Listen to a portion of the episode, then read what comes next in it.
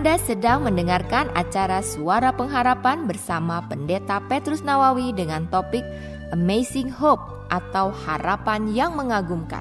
Selamat mendengarkan.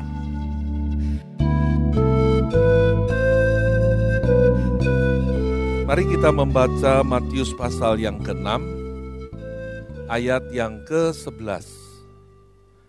Matius pasal yang ke-6 ayat yang ke-11 merupakan bagian dari doa yang diajarkan oleh Tuhan Yesus yaitu doa Bapa kami. Di dalam ayat ini yang merupakan bagian dari doa Bapa kami, di situ kita mengerti, di situ kita belajar, di situ kita menyadari bahwa Tuhan adalah Tuhan yang memelihara hidup kita. Tuhan adalah Tuhan yang mencukupkan semua kebutuhan kita. Dikatakan di Matius pasal yang ke-6 ayat yang ke-11 demikian. Berikanlah pada kami hari ini makanan kami yang secukupnya. Itu merupakan bagian dari doa Bapa kami yang diajarkan oleh Tuhan Yesus. Yang semata-mata bukan hanya kata-kata itunya yang penting bukan kata-kata yang menjadi mantra di dalam hidup kita. Tetapi yang penting adalah prinsip yang diajarkan di dalam doa tersebut. Sebab prinsip itulah yang harus kita hidupi di dalam hidup kita. Nah, salah satunya dikatakan bahwa Tuhan itulah adalah Tuhan yang memenuhkan semua kebutuhan kita setiap hari di dalam hidup ini. Dia itulah yang disebut sebagai Jehovah Jireh. God our provider. God my provider. Tuhan yang mencukupkan. Tuhan yang memelihara seluruh kehidupan kita. Saudara, pernahkah saudara membayangkan seberapa sanggup Tuhan itu mencukupkan kebutuhan satu orang untuk hidup di dalam panggilan Tuhan. Pernahkah saudara membayangkan seperti apa kemampuan Tuhan untuk dia mencukupkan keperluan satu orang yang dipanggil oleh Tuhan untuk hidup di dalam rencananya. Pernahkah saudara membayangkan? Saya beri satu sekarang. Supaya saudara dan kita semua mengerti betapa besar Tuhan itu dan betapa hebat pemeliharaan Tuhan atas hidup kita. Sehingga karenanya kita tidak perlu khawatir dengan apa saja yang kita perlukan di dalam hidup ini. Alkitab mencatat tentang satu orang yang bernama Musa. Musa dipanggil oleh Tuhan dari kesepian, dari pengasingan di padang gurun selama 40 tahun. Musa tidak punya sesuatu yang hebat, tapi dia dipanggil oleh Allah yang hebat. Dan Allah yang hebat yang memanggil dia itu memberikan tugas kepada Musa untuk Musa membawa memimpin orang-orang Israel keluar dari Mesir menuju tempat yang Tuhan sediakan bagi mereka. Sehingga di sepanjang perjalanan mereka keluar dari Mesir, dan mereka menuju tempat yang Tuhan sediakan, Musa bertanggung jawab memelihara kehidupan semua orang itu. Bayangkan. Kalau saja waktu itu Musa berhitung lebih dahulu, kalau saja waktu itu Musa menimbang-nimbang, memikir-mikir semua kebutuhannya lebih dahulu, mungkin dia akan urung untuk melaksanakannya. Mungkin. Kenapa? Tahukah saudara, untuk orang-orang yang dipimpin oleh Musa berada di padang gurun itu bisa hidup, Setiap hari mereka memerlukan makanan. Saudara tahu berapa banyak makanan yang mereka perlukan? Seorang jenderal ahli strategi dari US Army suatu kali membuat suatu perhitungan berdasarkan apa yang dibacanya di dalam Alkitab. Ia ingin mencoba menerjemahkan dan mengerti kira-kira apa yang diperlukan oleh orang-orang ini berjalan. Apa yang mampu Allah itu sediakan untuk mendukung satu orang yang hidup dalam rencananya, yaitu Musa. Mereka memerlukan makanan setiap harinya, tidak banyak Makanan itu namanya mana. Sampai hari ini belum pernah ada orang yang memakannya lagi. Karena itu dikatakan roti yang diturunkan dari surga. Yang diperlukan untuk mereka setiap hari, jumlahnya kurang lebih tidak kurang dari 1.500 ton, saudara. 1.500 ton itu menurut sang jenderal ini kalau itu dimuat di kereta barang, maka itu harus dimuat di dua rangkaian kereta barang. Dan rangkaian kereta barang yang memuat bahan makanan untuk orang-orang ini, itu satu kereta barang panjangnya satu setengah kilometer kira-kira. Itu baru satu hari. Mereka ada di dalam perjalanan dan memerlukan makanan 40 tahun lamanya. Itu baru makanan. Belum bahan bakar untuk mengolah, untuk menghangatkan tenda mereka. Diperlukan jumlah bahan bakar yang juga banyak sekali. Belum lagi air, saudara. Setiap hari setidaknya dikatakan diperlukan 42 juta liter air.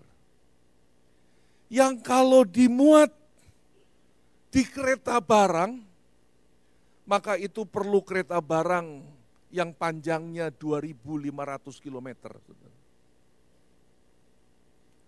Itu untuk satu hari.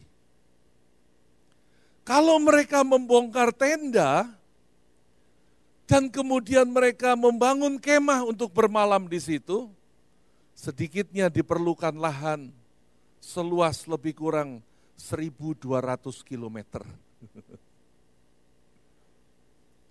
Waktu mereka itu menyeberang Laut Teberau, mereka untuk menyeberang Laut Teberau itu Alkitab mengatakan satu malam. Mereka sampai di seberang, selesai. Dihitung sama sang jenderal ini. Kalau mereka jalan baris berdua-berdua, itu baru bisa selesai nyebrang 35 hari. Dan untuk satu malam, mereka itu bisa nyebrang bersama-sama, itu mereka harus berjalan lebar ke sana, sekali jalan, itu kira-kira 5 kilometer, saudara. Supaya satu malam itu bisa sampai di seberang sana. Dan semuanya Tuhan yang mencukupkan. Dan semuanya Tuhan yang memelihara. Itu baru makanan, minuman, bahan makanan, bahan minuman. Itu baru perjalanan, belum lagi di padang gurun mereka menghadapi banyak bahaya. Mereka menghadapi ular-ular yang menggigit mereka. Semua Tuhan pelihara. Kalau Tuhan mampu memelihara satu orang Musa, bukankah Tuhan juga mengasihi saudara dan saya dengan kasihnya yang sama? Bukankah Tuhan juga mampu memeliharakan hidup saudara dan saya. Istilah Jehovah Jireh pertama kali ditulis di dalam Alkitab itu adalah pada waktu Abraham. Pada waktu Abraham itu diminta untuk mempersembahkan anaknya. Anak satu-satunya semata wayang yang ditunggu berpuluh tahun tidak juga lahir. Akhirnya lahirlah Ishak. Setelah lahir, lagi lucu-lucunya, Tuhan berfirman kepada Abraham bahwa Ishak ke Gunung Moria persembahkan di sana. Hari itu Musa bisa berdalih dengan Tuhan beraneka ragam. Semua dalihnya pasti masuk akal semua. Belum pernah ada orang mengorbankan persembahan kepada Tuhan dalam bentuk manusia. Semua yang dipersembahkan binatang, kambing, domba, lembu, merpati, mana ada manusia bisa berdalih seperti itu. Tapi Musa, eh, tapi Abraham tidak banyak bertanya. Dia membawa anaknya, dia membawa kayu bakar, dia bawa semua persiapan untuk membuat persembahan bagi Tuhan. Sampai di atas diaturnya semua, diletakkannya anaknya di atas kayu bakar itu. Anak itu tanya, kenapa Pak? Dia bilang, tenang nak, kita mau memberikan korban untuk Tuhan Kok saya yang harus di sini, Pak? Mungkin dia tanya begitu. Dia bilang, tenang, nak. Ketika Abraham siap untuk menghujamkan pisaunya, Tuhan mengatakan, stop, jangan lakukan itu. Aku sudah mengetahui apa yang ada di dalam hatimu. Dan pada waktu itu Abraham membatalkan. Dan tidak lama kemudian dia menoleh, dia melihat ada kambing domba yang siap di situ. Dan itulah yang diberikan oleh Tuhan untuk dipersembahkan kepadanya. Di situlah Abraham mengatakan, Jehovah Jireh, Allah yang menyediakan. Saudara bahkan, bahkan untuk apa yang akan dipersembahkan kepada Tuhan saja, Tuhan yang menyediakan. Banyak orang memberi buat Tuhan ketakutan luar biasa, kekhawatiran luar biasa, takut nanti kurang, takut nanti nggak cukup. Saudara dengar, bahkan untuk mempersembahkan kepada Tuhan, itu Tuhan sendiri yang memberi. Dia adalah Jehovah Jireh. God is my provider. God our provider. Kenapa dia Jehovah Jireh? Kenapa dia disebut Allah yang menyediakan semua kebutuhan kita? Saudara yang pertama, karena dia yang memiliki seluruh alam semesta ini. Alkitab menulis berulang kali tentang alam semesta. Dikatakan kalau aku melihat bulan bintang buatan jarimu Tuhan. Seluruh alam semesta ini punya Tuhan. Berapa sih kebutuhan saudara? Semua yang ada di dalamnya semua punya Tuhan. Masa Tuhan tidak mampu untuk memenuhi kebutuhan kita? Saudara tahu ada berapa banyak jumlah bintang di langit. Belum lama ini seorang profesor antariksa berhasil membuat perhitungan, itu pun baru perkiraan, tapi sudah kurang lebih mendekati, yaitu berapa jumlah bintang di langit. Bintang di langit yang jumlahnya katanya tak terhitung banyaknya itu, itu jumlahnya luar biasa banyaknya dan besarnya itu juga luar biasa. Tahu jumlahnya berapa? Jumlahnya itu 70 sektraliun. Ngomongnya aja susah, saudara. Kenapa? Belum pernah dengar, belum pernah diucapkan. Sektrali 70 sektraliun itu berapa? dikatakan itu sama dengan angka 7 di depan dengan 022 di belakangnya. Hitung aja. Dan itu lebih banyak dibandingkan semua pasir di pantai dan seluruh pasir di padang gurun di seluruh dunia ini. Bayangkan. Itu punya Tuhan. Tuhan yang memilikinya. Bukan hak guna pakai, hak milik saudara. Dipegang sama Tuhan. Kita yang nyewa, kita yang ikut kontrak di sini. Kita yang nebeng dikasih sama dia. Apa yang nggak bisa dia penuhkan? Apa yang dia tidak mampu? Yang kedua, kenapa dia Jehovah Jireh? Dia Jehovah Jireh karena apa? Karena dia Bapa yang mengasihi kita. Sebab Allah yang maha besar dan maha kaya itu adalah Bapa bagi kita. Bukan kita yang merengek-rengek minta dong aku diangkat jadi anak. Seperti banyak orang pindah ke negara lain, berharap supaya jadi warga negara di sana, supaya apa? Supaya mendapatkan semua fasilitas, berusaha keras mati-matian. Saudara kita diangkat anak oleh pencipta pemilik seluruh alam semesta ini. Bukan karena kita yang merengek-rengek, tapi karena anugerahnya yang besar. Kita diangkatnya. Kalau dia anak, wajar saudara. Kalau dia bapak kita anak wajar, kita dipenuhkan semua kebutuhan kita. Coba kita lihat anak kita, dari lahir sampai besar, dia nggak perlu pusing, nggak perlu khawatir, nanti minum susunya gimana ya Pak, nggak perlu pusing. Orang tua yang mencari, orang tua yang menyediakan. Nah saudara bagaimana kita hidup supaya kita bisa menghidupi pemeliharaan Tuhan itu. Karena the reality, realitas yang ada, sering kali menceritakan hal yang berbeda.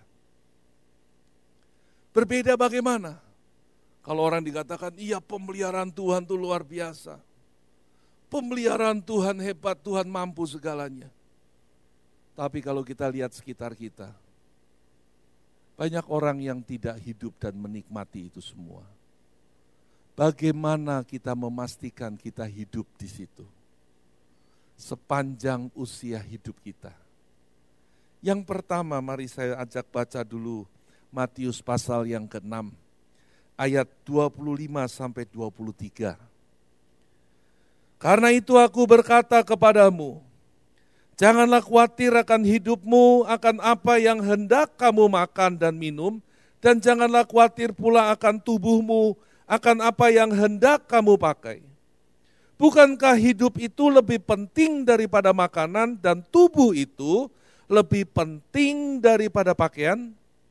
Pandanglah burung-burung di langit yang tidak menabur dan tidak menuai dan tidak mengumpulkan bekal dalam lumbung namun diberi makan oleh Bapakmu yang di sorga. Bukankah kamu jauh melebihi burung-burung itu? Siapakah di antara kamu yang karena kekhawatirannya dapat menambahkan sehasta saja pada jalan hidupnya? Dan mengapa kamu khawatir akan pakaian? Perhatikanlah bunga bakung di ladang yang tumbuh tanpa bekerja dan tanpa memintal namun aku berkata kepadamu, Salomo dalam segala kemegahannya pun tidak berpakaian seindah salah satu dari bunga itu.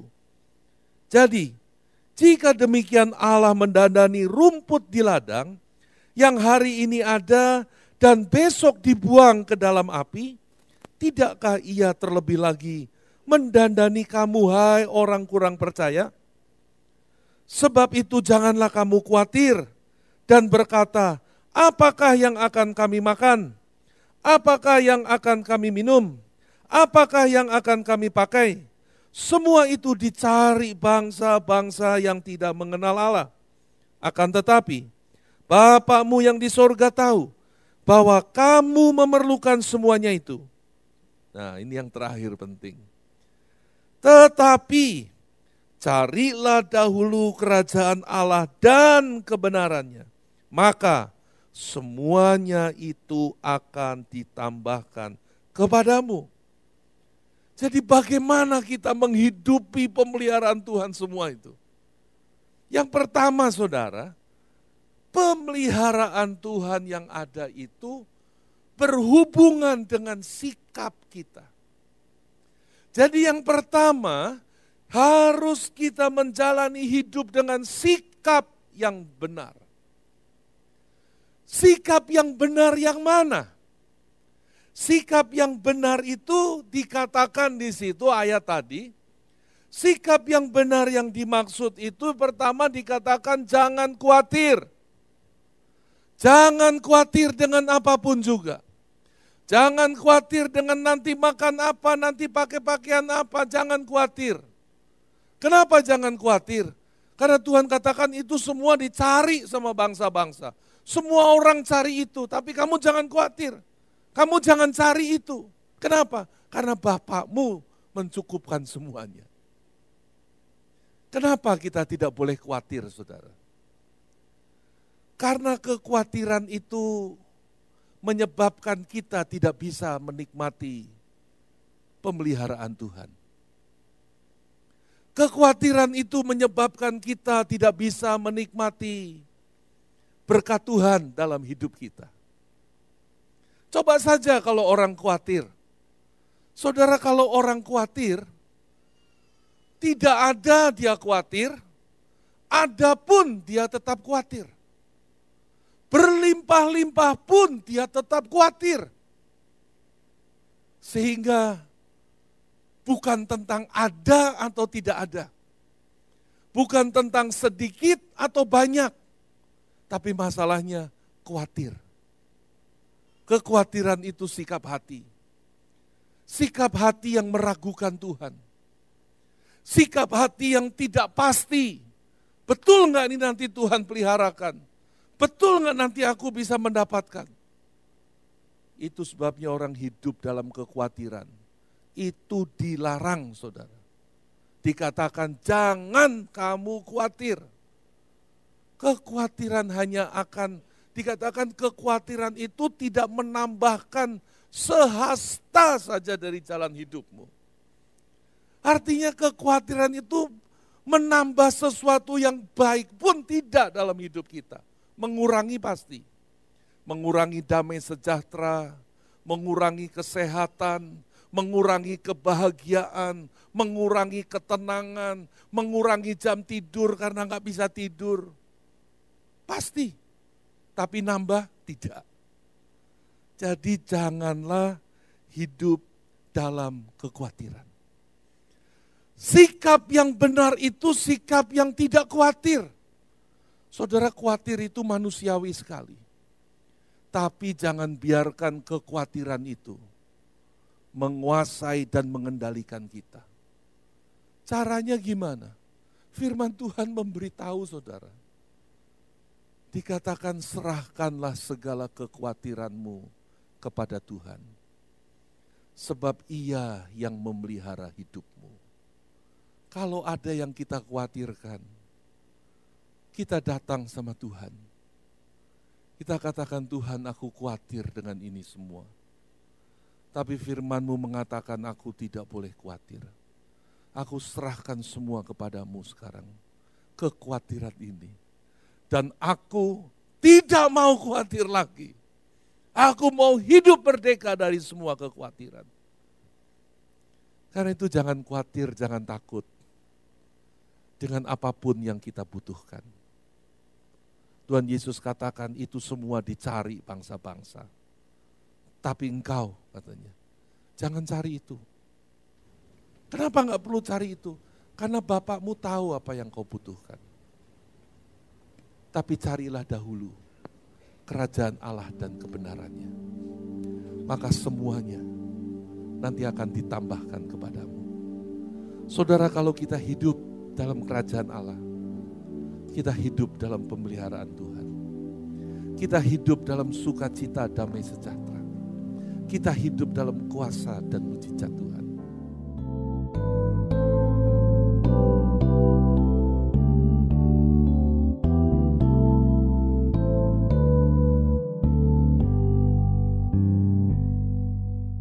Telah mendengarkan dari topik Amazing Hope atau harapan yang mengagumkan. Pekan yang akan datang, Pendeta Petrus Nawawi akan melanjutkan topik tersebut pada hari, jam, dan gelombang radio yang sama. Pastikan Anda mengikutinya. Apabila Anda ingin menghubungi Pendeta Petrus Nawawi, Anda dapat menghubunginya per surat dengan dialamatkan kepada Suara Pengharapan, PO Box 1875 Bandung 418. Kami ulangi, Suara Pengharapan PO Box 1875, Bandung 418. Sampai jumpa pada pekan yang akan datang. Tuhan memberkati.